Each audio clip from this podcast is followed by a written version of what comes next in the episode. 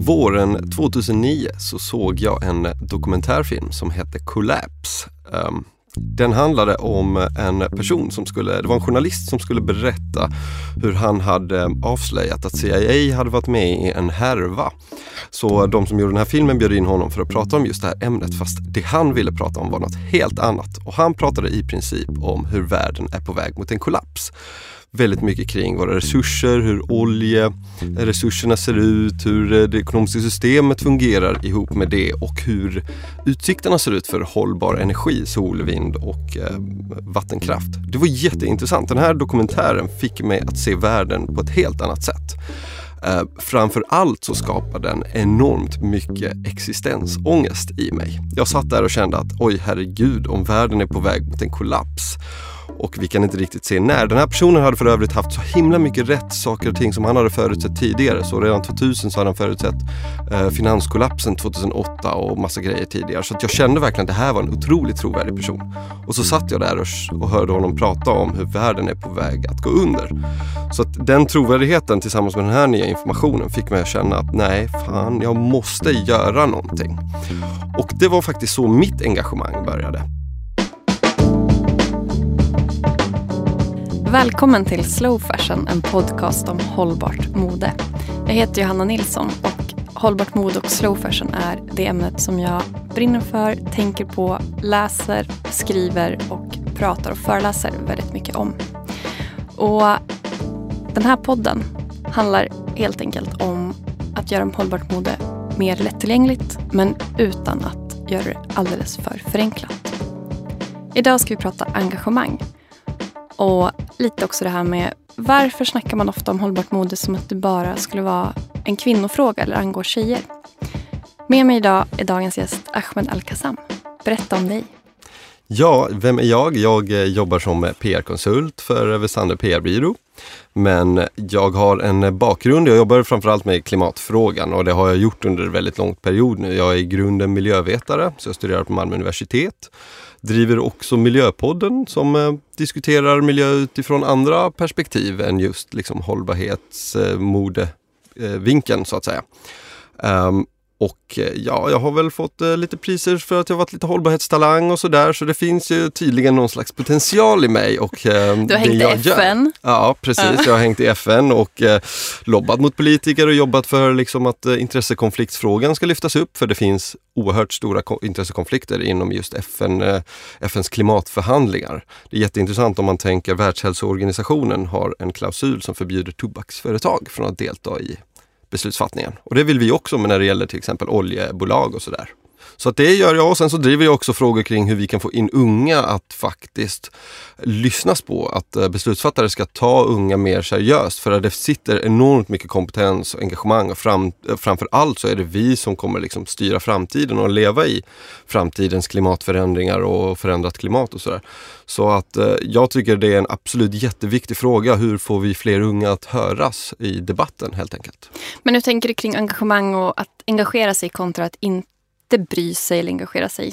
Vad, vad ja, vilka drivkrafter har man i det? Liksom? Det, det, är ju verkligen jätteolika från person till person. Vissa tycker det att det är intressant och kul och att det är ett tillräckligt eh, incitament för att få dem att engagera sig. Min, mitt engagemang grundar sig i grund och botten att jag sitter med så enormt mycket klimatångest och liksom, eh, tankar kring hur kommer framtiden se ut för mina eventuella barn kommer de ens ha det i närheten så bra som jag har det idag? Och det är ändå någonting som driver mig. Mycket framförallt att jag vill lämna efter ett arv som är bättre än vad jag har fått så att säga. Men har du haft klimatångest länge? För jag tänker, det är ju någonting som verkligen har börjat snackas om Absolut, nu. absolut. Ja men uh, nästan tio år nu. Liksom. Men då har, du är en sån early adopter, eller hur? Ja, ja, så kan man säga. Men för nu är det lite trendigt. Ja, det är absolut. Så, så har det varit och det var jättestark eh, konflikt inom mig när jag började studera eh, miljövetenskap. För jag gjorde det utifrån det perspektivet att okej, okay, nu ska jag lära mig allting om klimatet och miljön så att jag på något sätt kan överleva framtidens förändrade mm, faktorer. Medan jag har mött människor som bara känner att Nej, men, det här vill jag jobba med för att det är inne eller för att det finns mycket jobb inom just miljö och klimatsektorn. Och sen när jag går hem och gör massa annat så vill inte jag tänka på det. Men jag känner att det genomsyrar allt som jag gör och många andra som jag också möter. Men jag, precis, och jag tänker att just engagemang, eller så är det för mig också, att engagemang är ganska starkt kopplat till ångest. Alltså mer att man, ångest kan man välja, antingen så gör det en apatisk och nedbruten eller så kanaliserar man det till engagemang och ser det som en drivkraft. Att man, den här ångesten blir en ilska som sen driver en. Precis, precis. Och där, jag kan ju bara tala för mig själv. För mig är det ju verkligen sådär att den här ilskan liksom triggar igång en massa tankar och liksom vad ska man säga, det, det, en, en, känsla av att jag kan faktiskt förändra, även om det bara är så lite litet som inom min familj i alla fall. För sen kan de ta med sig det utåt till sina vänner och sina andra eh, kretsar och sådär. Sen såklart så kan man absolut känna sig apatisk av den här och det har jag full respekt för den här känslan. För det är oerhört svårt att faktiskt hitta ett sätt att kanalisera ångesten eller energin eller vad det nu kan vara. Och där skulle mitt råd vara att man försöker liksom hitta vad passar mig och på vilket sätt kan jag få utlopp för den här energin utifrån vad jag kan. Till exempel i mitt fall är det mycket kommunikation. Jag är väldigt duktig på kommunikation, tycker det är jättekul. Inser kanske vikten av hur vi ska kommunicera. Eh, så just det är det verktyget som jag använder för att liksom nå ut till människor, om det är unga beslutsfattare eller vem det är, det är just liksom kommunikation. Men jag tänker det kan ju vara både först att man väljer en sakfråga som ligger nära en själv. Att, ja, men, du har ju mer ett kanske lite bredare miljöfokus medan jag är väldigt ja, insnöad på, på mode och kläder. Eh, men också att man då, som du säger, man väljer lite vad, man, vad som är roligast. Och jag tänker också att engagemang handlar mycket om samhörighet, att man gör det tillsammans med andra. Att man bygger någon slags community med andra personer. Det kan vara allt ifrån eh, alltså typ en blogg eller eh, Instagram-feed eller till att faktiskt gå med i en förening eller en organisation eller så. Eh, men också lite det här med att man inte ska ta in hela bilden. För då får man ju panik. Alltså, då blir det så här, vad spelar det för roll att jag köper den här tröjan på second hand när typ Arktis smälter bort? Alltså, Absolut, man får ju på något sätt hitta en avgränsning. avgränsning. Det är någonting som jag framförallt har fått erfarenhet när jag har varit på FNs klimatförhandlingar. För där har jag kommit dit och känt att nu ska jag påverka allt och alla för att driva världen framåt. Men just hur FNs klimatförhandlarforum fungerar så är det liksom att man bryter ner frågorna till enormt små sakfrågor, till exempel klimatanpassning eller eh, liksom den ekonomiska finansiella delen. Och så får man ju liksom fokusera på en del och försöka nå människorna. för där hittar du en massa arbetsgrupper till exempel och så vidare. Så det går ju inte att göra allting själv. Men om jag gör en grej och du gör en annan grej så tillsammans så skapar vi hela den här helhetsbilden. Ja, och jag tänker att det är väl jättebra att bara kopiera till ens privatliv. Att man, man liksom, ja, men jag tänker väldigt mycket på att man kan se det som att man mutar in sitt lilla hörn och sitt område och liksom påverkar sin närmiljö. Och ja, men vara det här liksom både det goda exemplet men också den här inspirerande inspirerande exemplet. Ja, men lite så här, äh, låter som en väckelserörelse här, men, men typ att så här, kolla, vad, kolla vad roligt vi har det här. Eh, kom med! Absolut. Då får man vara med oss. Typ. Ja, ja, oh ja, det är jätteviktigt. Och det här är så kommunikationstips från proffsen. Det är jätteviktigt att lyfta upp de positiva exemplen, att, att fira segrar. Och det har jag ju personligen varit jättedålig på under en massa år innan jag faktiskt förstod att vänta lite att bara göra på det här sättet och liksom gråta ner sig i de negativa känslorna gör ju mig till förr eller senare handlingsförlamad och blir kanske apatisk för att man bara ser en massa misär. Men så är ju inte heller sanningen. Eh, det är ganska lätt att få en bild från till exempel media eller vad det nu är. Så att eh, väldigt viktigt tycker jag att man försöker faktiskt ta någon slags kritisk approach och försöker hitta så mycket olika nyanserade bilder och, och på något sätt försöka greppa de där framgångssagorna. Jag gillar mycket liksom storytelling, att berätta någonting, att använda storytelling som ett verktyg för att förmedla, även om det är misär, oavsett om det är misär eller något positivt. Men just storytelling är ett fantastiskt medel att få människor att relatera på ett enklare sätt än om jag sitter och säger så här får du inte göra och så där får du absolut göra och så vidare. och så vidare. Och det är jätteintressant. Och det är sånt man kan se till exempel Fiji som är det senaste ordförandeskapet inom FNs klimatförhandlingar. De använder något som de kallar för Talanoa Dialog som är en metod, en traditionell metod som de använder i sina stammar för att lösa konflikter genom storytelling. Mm. Det är ganska coolt. Mm. Men precis, och jag tänker också att hela tiden prata utifrån sig själv, jag-person. Det är någonting jag har tagit till mig ganska nyligen. Att ingen kan ju någonsin ifrågasätta mina beslut. Men mina beslut kan inspirera andra istället för att man blir det här pekpinnen att ja, men, det kan vara så här, åh, så här, vilken fin tröja du har. Och så säger man, ja jag vet den är från second hand eller ja den är gjort av eh, så här, det här återvunna materialet eller vad det nu kan vara. Ja, precis, Eh, precis, verkligen. Och det blir ju lite om, alltså du, dels så peppar du dig själv, Mm. att du bara liksom boostar dig själv. Ja, men visst är det här en fin tröja. Samtidigt så visar det ju upp något positivt Mm. för, för personen som då har skickat den här komplimangen. Eller, Precis, för egentligen kanske jag snarare vill säga så här, hur i helsike kan du inte tänka på de här sakerna? Men det är inte så man förändrar människor. precis, nej Eh, vi når inte, jag tror bara- inte vi når människor genom den slags retoriken. Definitivt Det inte. blir bara defensivt. Så just det här, Precis. ja, prata utifrån sig själv och visa på hur fantastiskt kul det är. Men Absolut. nu ska vi faktiskt prata lite grann, nu har vi pratat om engagemang och ditt breda engagemang. Men du är ju också här för att du gillar kläder. Ja, oh ja, Ja, verkligen. och det ska vi snacka lite mer om alldeles strax.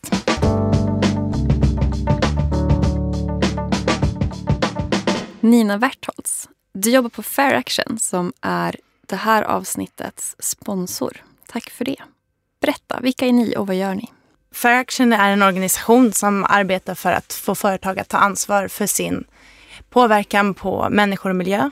Och vi gör det genom att granska företags hållbarhetsarbete, granska hur företag producerar sina varor och eh, genom att ligga på företag att ta ansvar för arbetsmiljöförhållanden och ge, betala schyssta löner.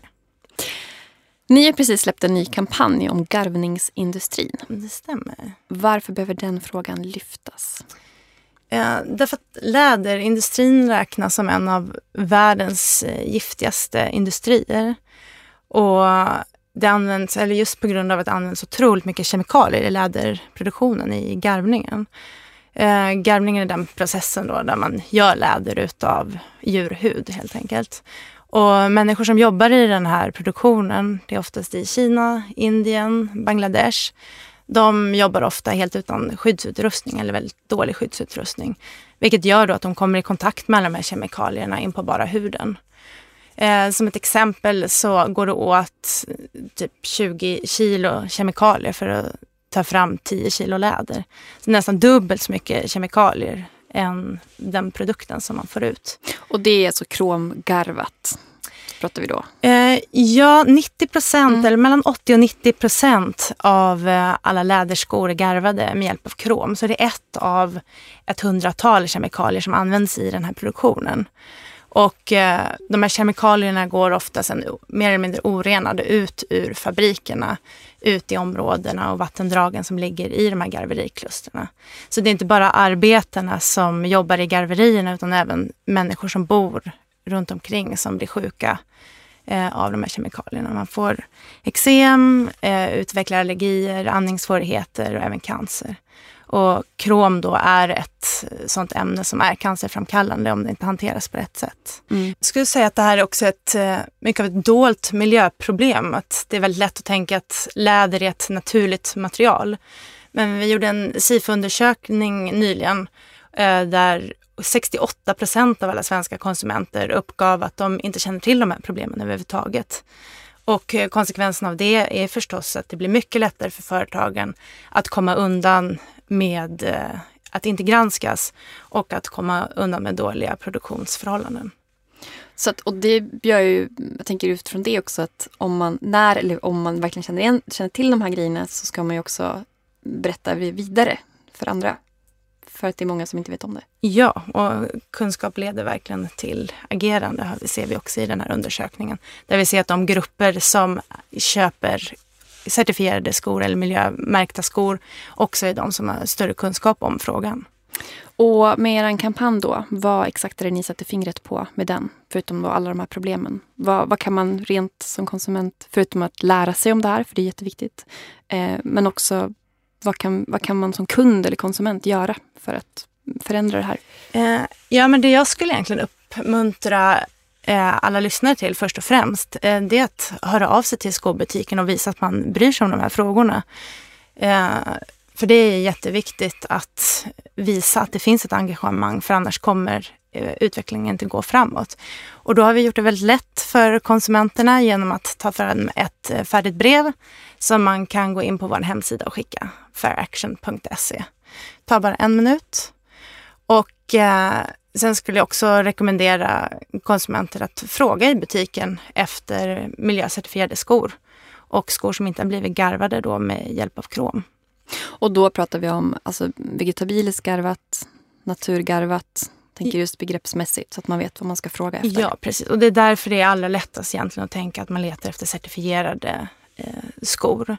Um, och de är ofta garvade vegetabiliskt. Men du sa procentsatsen där. Om då, eh, de allra flesta skorna i butik är kromgarvade. Ja, mellan 80 och 90 procent. Ja, så det vill säga man kan förutsätta att om inget annat sägs så är det kromgarvat. Ja, det skulle jag förutsätta. Mm. Men och utbudet är inte jättestort idag. Nej. Men det finns. Eh, och det är ju som vanligt, det är bara tyvärr genom att vi efterfrågar hållbara skor som eh, det, vi kommer få det också. Och att också använda de skor vi har Självklart. längre såklart. Självklart. Så köpa, låta bli kromgarvat och sen se till att ta hand om det vi har så, att så länge som möjligt. Ja, det här är också. om man köper ja. läderskor. Ja, men precis. Och sen att vara den där jobbiga konsumenten. Det är ju det mm. som är, alltid gäller egentligen. Att vara den där som ställer de där frågorna. Var mm. kommer lädret ifrån? Hur har det producerats? Eh, hur följer ni upp era miljöpolicys? Mm. Eh, använda sin konsumentmakt. Jag tänker om man, man kan ju som konsument själv tycka att det är lite jobbigt och, och alltså blir lite pinsam stämning och ställa de här frågorna i, i butik. Vad tänker du kring det? Det kan jag förstå, men gå in på vår hemsida mm. och släng iväg det mejlet. Mm. Vi har formulerat det på ett sätt som gör att företagen dessutom är, de måste svara på ditt mejl inom 45 dagar enligt lag. Smart. Jag tänkte bara annars eh, utifrån det här med att fråga butik också. Så jag har ju själv jobbat i butik och så. Att eh, bara det att det kommer mycket frågor. Eh, om man jobbar i butik så, så är det också någonting man ofta kanske för vidare då. Att jag måste få bättre utbildning i det här. För jag vet inte vad jag ska säga när folk frågar. Och det, sätter, det i sig är också en bra påtryckning. Ja, det... Att även anställda börjar fråga. Så att om man också jobbar i skobutik så ska man ju verkligen lyfta det här det är en jättebra poäng. Var, och som sagt, var den där jobbiga. Det kanske känns jobbigt men det, det hjälper. Mm. Um, ja, engagemang. Kan inte du bara berätta lite grann om hur man blir medlem hos er också, tänker jag. Det är väldigt lätt. Man går in på fairaction.se och så klickar man sig vidare på bli medlem. Och vad kostar det? 100 kronor. För ett år? För ett år. Ja. Eller ett livstidsmedlemskap för tusen det är väl investerade kronor ska jag säga. Just det här med lätt engagemang. Eh, och som sagt, klicka, dela vidare, sprida ordet. Eh, för ni släpper ju rapporter och kampanjer lite då och då. För ni granskar ju företag och branscher hela tiden. Så att, att hålla koll på det ni gör är ett lätt, en lätt källa till kunskap skulle jag säga faktiskt. Så tack så jättemycket för att, du, för att ni kom från Fair Action och eh, för att ni är med och sponsrar den här podden. Tack ska tack. du ha.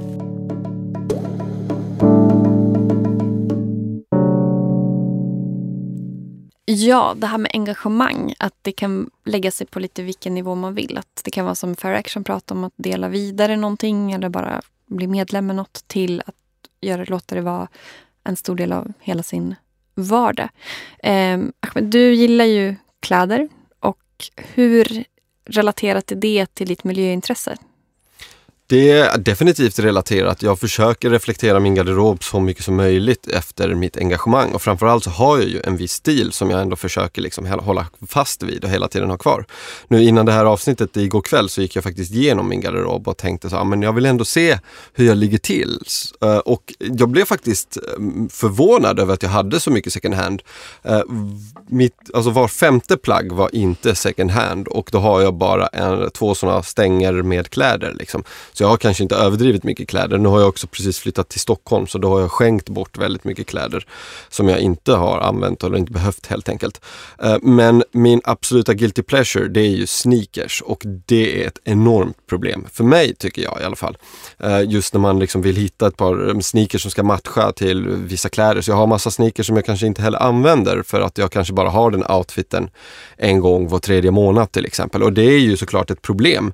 Eh, samtidigt så är det väldigt väldigt svårt att hitta snygga sneakers som kan matcha kläder på samma sätt i second hand-butiker med rätt storlek. Det är ju det, oftast är det bara, kanske bara ett par sneakers som ligger uppe och det är en storlek och så försvinner de väldigt fort om du inte springer dit och, och köper dem direkt. Och jag tänker också att de märkena som du vill ha har kanske inte hållbarhet som sin tagline. Definitivt inte. Nej.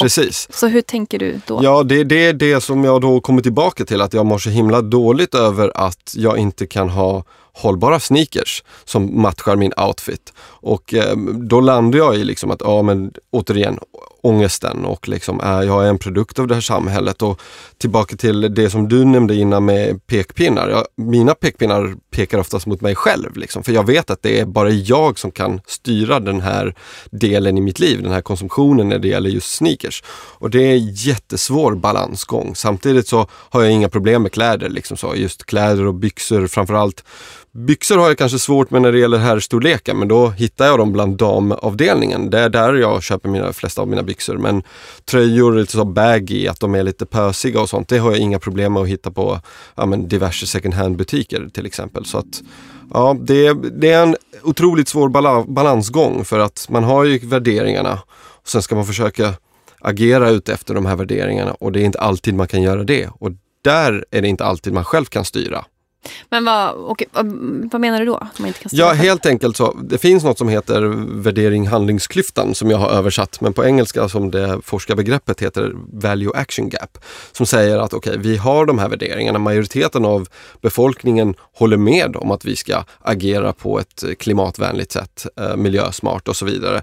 Men våra handlingar reflekteras inte i de här värderingarna. Och i mitt fall till exempel så finns ju inte de här sneakersen som jag vill åt på second hand-butiker. Det kan ju dels vara på grund av hållbarhet, att de inte är så hållbara.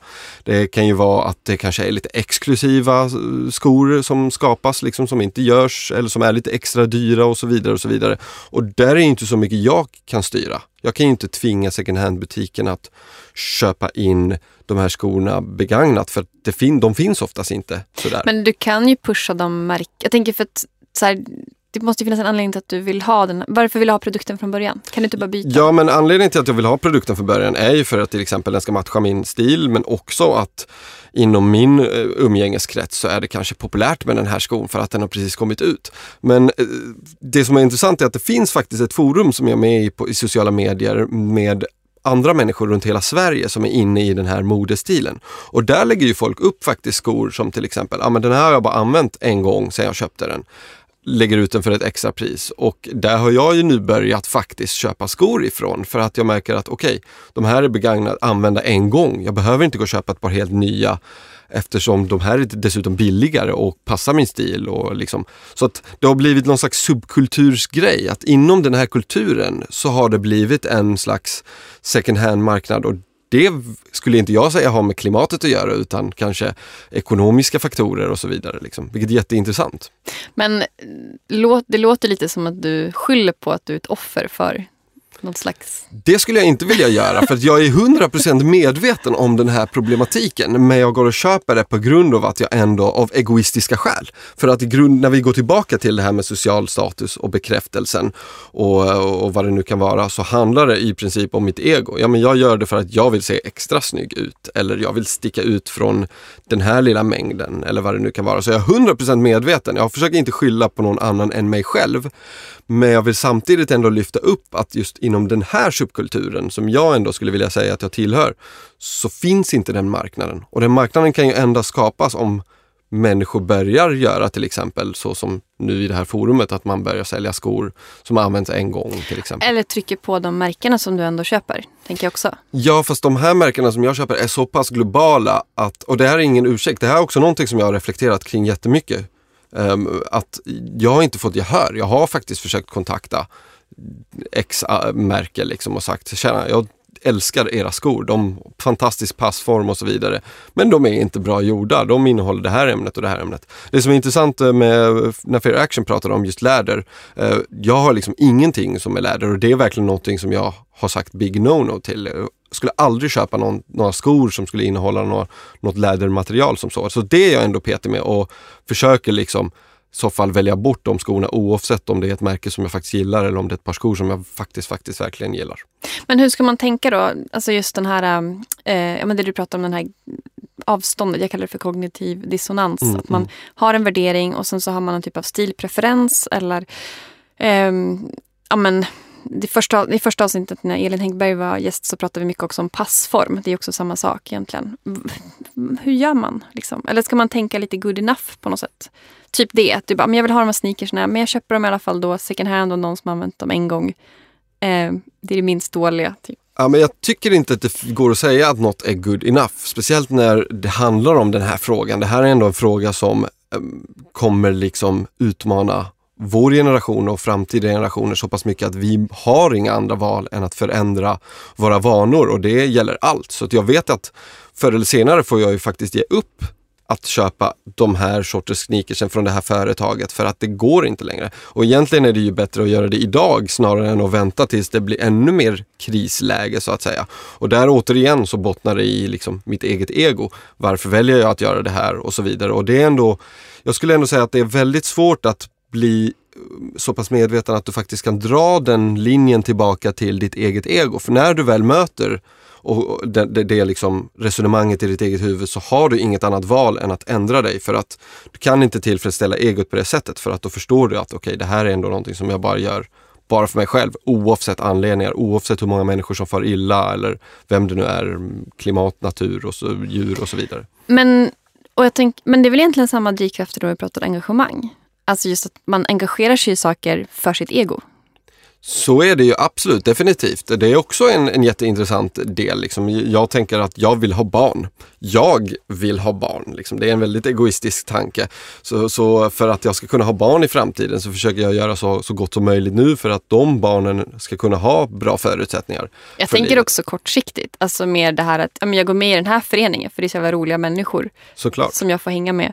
Eller jag får lite extra cred för att jag eh, ja, men så här, jag har den här produkten på mig. Återigen det här med liksom ja, ja, absolut. Jag speglas vem vi är beroende på vad vi, vad vi bär och vilka val precis. vi gör. Och så. Och vilka sociala sammanhang vi befinner mm. oss i. Så jag vet att nu är mina vänner ganska, väldigt snälla. De skulle inte döma mig för att de vet vad jag sysslar med och sådär. Så om jag skulle dyka upp en dag i ett par sneakers eller en outfit som inte riktigt faller innanför de eh, rutorna och normerna som jag umgås i så skulle ingen döma mig.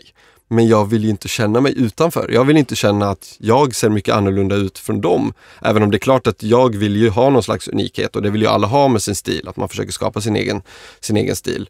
Eh, och det tror jag väldigt starkt på. Men det är verkligen jättesvårt att 100% övertyga sig själv att det gör ingenting. Eller i mitt fall är det så liksom att okej, okay, jag kan inte se ut som en hiphoppare till exempel när jag umgås med hiphoppare det är klart att jag kan göra det. Jag behöver inte se ut som en hiphoppare men, att, men när man ändå umgås i de kretsarna så kommer man ju tillbaka till att nej men jag vill ju ändå visa upp en viss stil för att passa in inom det här sammanhanget. Så, och sin personlighet eller vad man ska säga i, Verkligen, i det. absolut. Men, men jag tänker också i det då, om, om vi just pratar om så engagemang och eh, eller oavsett då att också hur påverka andra. Att det, det kanske är där vi ska vara, att bygga den lilla bubblan med ja, likasinnade till viss del just för att vi blir mer engagerade om vi eller vi anpassar oss också till vårt sammanhang.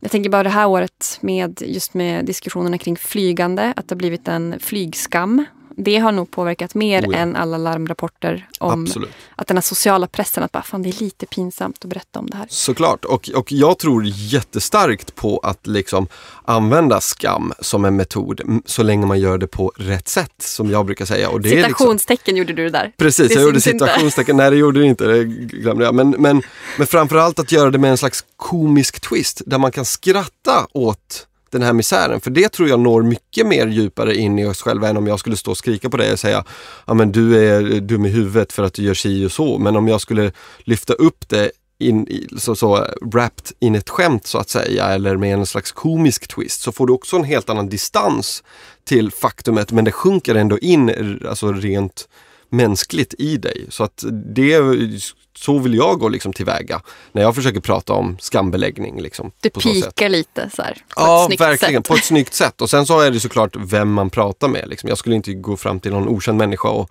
snyggt skambelägga dem för jag känner ju inte den personen. Liksom. Så det handlar väldigt mycket att kanske känna in omgivningen och, och, och liksom sammanhanget återigen. Var är jag? Var befinner jag? Vem pratar jag med? Liksom?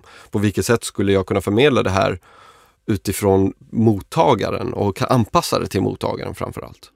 Men ja precis och engagemang. Eh, jag tänker också om engagemang och pratar om hållbart mode eller mode överhuvudtaget. Så, så det är så himla lätt att det bara blir typ sådana som, som jag som heter Johanna Nilsson och har liksom blont hår typ som pratar om de här grejerna. Eh, och det är mycket de typerna av hållbara märken som kommer. Det är ju liksom tjejkläder och så här. Men hur gör man om man liksom vill vara engagerad i någonting som man inte är liksom normen i. Det gör ju det här med valen svårare. Typ du, har- du har dina sneakers liksom. Ja, precis. Men framförallt så tycker jag, eller vi vet ju att när det gäller till exempel klimatfrågan så är det mer kvinnor som är engagerade än män. Vi vet också att det är fler män som gör fel eh, än kvinnor. Det är mer män som äter kött, det är män kör bil och så vidare. Så att om vi ändå drar ner det till liksom klimatfrågan så vet vi att det finns en enorm könsfördelning som kanske är ojämställd så att säga. Så att män gör inte bra saker och då ska man dra in liksom modefrågan så är det ju jättemycket mansnorm kring liksom den här frågan. För det är en ganska känslig fråga. Tidigare historiskt har man ju liksom projicerat eh, modefrågan som en, en feminin fråga så att säga. Och då när man tänker mansnormen att ja, men som man ska du visa dig på det här sättet och du ska inte gråta och massa sådana grejer så är det lätt att man associerar till exempel modefrågan som en kvinnofråga och det är jätteproblem för att Men också att det är ytligt. Att Ja, vi pratar oh om yta och kläder och Verkligen. den. Verkligen, och sen så kanske man tar fram plagg som är liksom tydligt för kvinnor och för män medan jag eh, tycker och tänker och letar väldigt mycket efter kläder som kan vara androgyna så att säga. Som kan egentligen, för då kan jag skänka bort den eller byta med en annan, med en tjejkompis till exempel som jag vet, ja, men den här, hon kommer älska det här plagget till exempel efter att jag har använt det ett tag. Så att det, det, det är en jätteintressant fråga och samtidigt jätteproblematiskt. Så varför tycker vi, varför gör samhället på det här sättet att man försöker liksom kategorisera modefrågan som en kvinnofråga. Samtidigt så känner jag ju jättemånga killar som är, tycker att mode är jätteintressant men som inte lägger ner eh, en minut på att försöka tänka hållbart. Och då kanske det är återigen att okay, hållbarhetsfrågan attraherar fler kvinnor så att säga att engagera sig snarare än att män för att ja, det kan ju finnas massa anledningar. Män kanske känner att nej men det är jobbigare för oss att ta oss över tröskeln för att vi har alltid gjort på det här sättet. Men, men vad, jag tänker så här, när jag föreläser så är det liksom kanske nio, ja men är det 40 personer så är det en kille så är det tur typ. Ja, Ehm, det är och, jättetragiskt. ja men så här, hur når man dem då? Eller är det bara det att jag är, själv ser mig som kvinna? Ja, Att det, att det här med identifiering, är det också såklart, såklart, definitivt. Framförallt så behöver vi fler manliga förebilder som riktar sig åt så att säga de målgrupperna bland män som inte gör rätt så att säga. Och där är kanske jag som ett exempel, där jag försöker bryta och tänka när jag tänker liksom mode så slänger jag på mig gärna kläder som kanske inom situationstecken anses vara feminina för att liksom visa att kolla, det för mig funkar det så varför skulle det inte kunna Fast funka då för dig? är- kliver du fortfarande över på den sidan. Jag tänker om Så man, är det ju, så är det ju. det såklart. behöver du ju inte göra tänker jag. Nej, då behöver jag inte all, alls överhuvudtaget. Du Men skulle, jag menar, så här, jag tänker just kläder är ju oavsett, alla måste förhålla sig till det. ja, ja. Och jag försöker ju prata med så många som möjligt bland mina killkompisar i alla fall. Det är verkligen något som jag aktivt gör. Liksom prata om plagget som den personen har på sig. Ja men det här var ju jättesnyggt. Visste du att till exempel det finns en väldigt likadan tröja på den här second hand butiken men du har precis köpt den här för x antal tusen kronor och så vidare. Så att jag tycker det är väldigt viktigt att hela tiden lyfta upp den här frågan för det är så att många inte känner till den, många inte tänker på det trots att de kanske känner till den. Så att hela tiden uppmärksamma den här problematiken.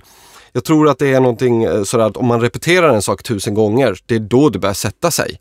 Och då är det ju så, men repetera det för din liksom, umgängeskrets eller för dina killkompisar eller vad det nu är, tusen gånger. Du kanske känns tjatig, du kanske får lite onda blickar, men förr eller senare så kommer folk faktiskt börja bli mottagliga och börja tänka på det här så småningom. För det är så vi fungerar. Så att om vi sammanfattar då så att bli lite mer engagemangs eller lite vardagsaktivist. Eh, och Absolut. att använda liksom sina olika tricks. Oh ja. Eh, ja, men, eh, paketera det på olika sätt. Absolut, jag, jag kan säga så här, jag se- ser mig som en aktivist dygnet runt. Oavsett om jag är på min arbetsplats eller om jag är FNs klimatförhandlare eller om jag står liksom i en demonstration så är min utgångspunkt alltid att jag är aktivist. Det är det jag identifierar mig som. Även sneakersforumet. Absolut. Alla lägen. Ja. Ja, kanske inte alla lägen i sneakersforumet men det börjar ju smyga in nu. Det är nu jag börjar liksom tänka mycket mer aktivt. Ja, men jag ska kanske vara lite av en sneakeraktivist. Mm.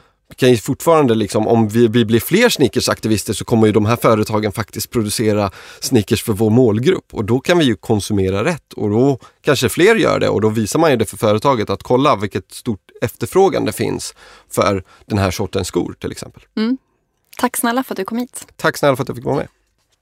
tack till det här avsnittets sponsorer också om engagemang. Fair Action som sätter press på företag att förbättra arbetsvillkor och betala levnadslöner. Och ett extra tack också till Adis Gladis som är utsedd till årets modebutik 2017. Hållbart mode med mycket fokus på just män. Och Sandlund Hossein som är väskmakare som gör skillnad för läderindustrin i Bangladesh genom sitt revolutionerande projekt The Cow Founder Initiative. De är inte från Göteborg. Um, du hittar mig på slowfashion.nu och på Johanna NSV på Instagram och Facebook. Och diskutera jättegärna podden vidare där. Sprid den jättegärna också till andra som du vill påverka. Och fortsätt det här engagemanget som, som vi vet att du har. Och nästa gång så ska vi prata veganism. En annan typ av engagemang. Veganism och hållbart mode. Hur funkar det ihop? Ha det så bra.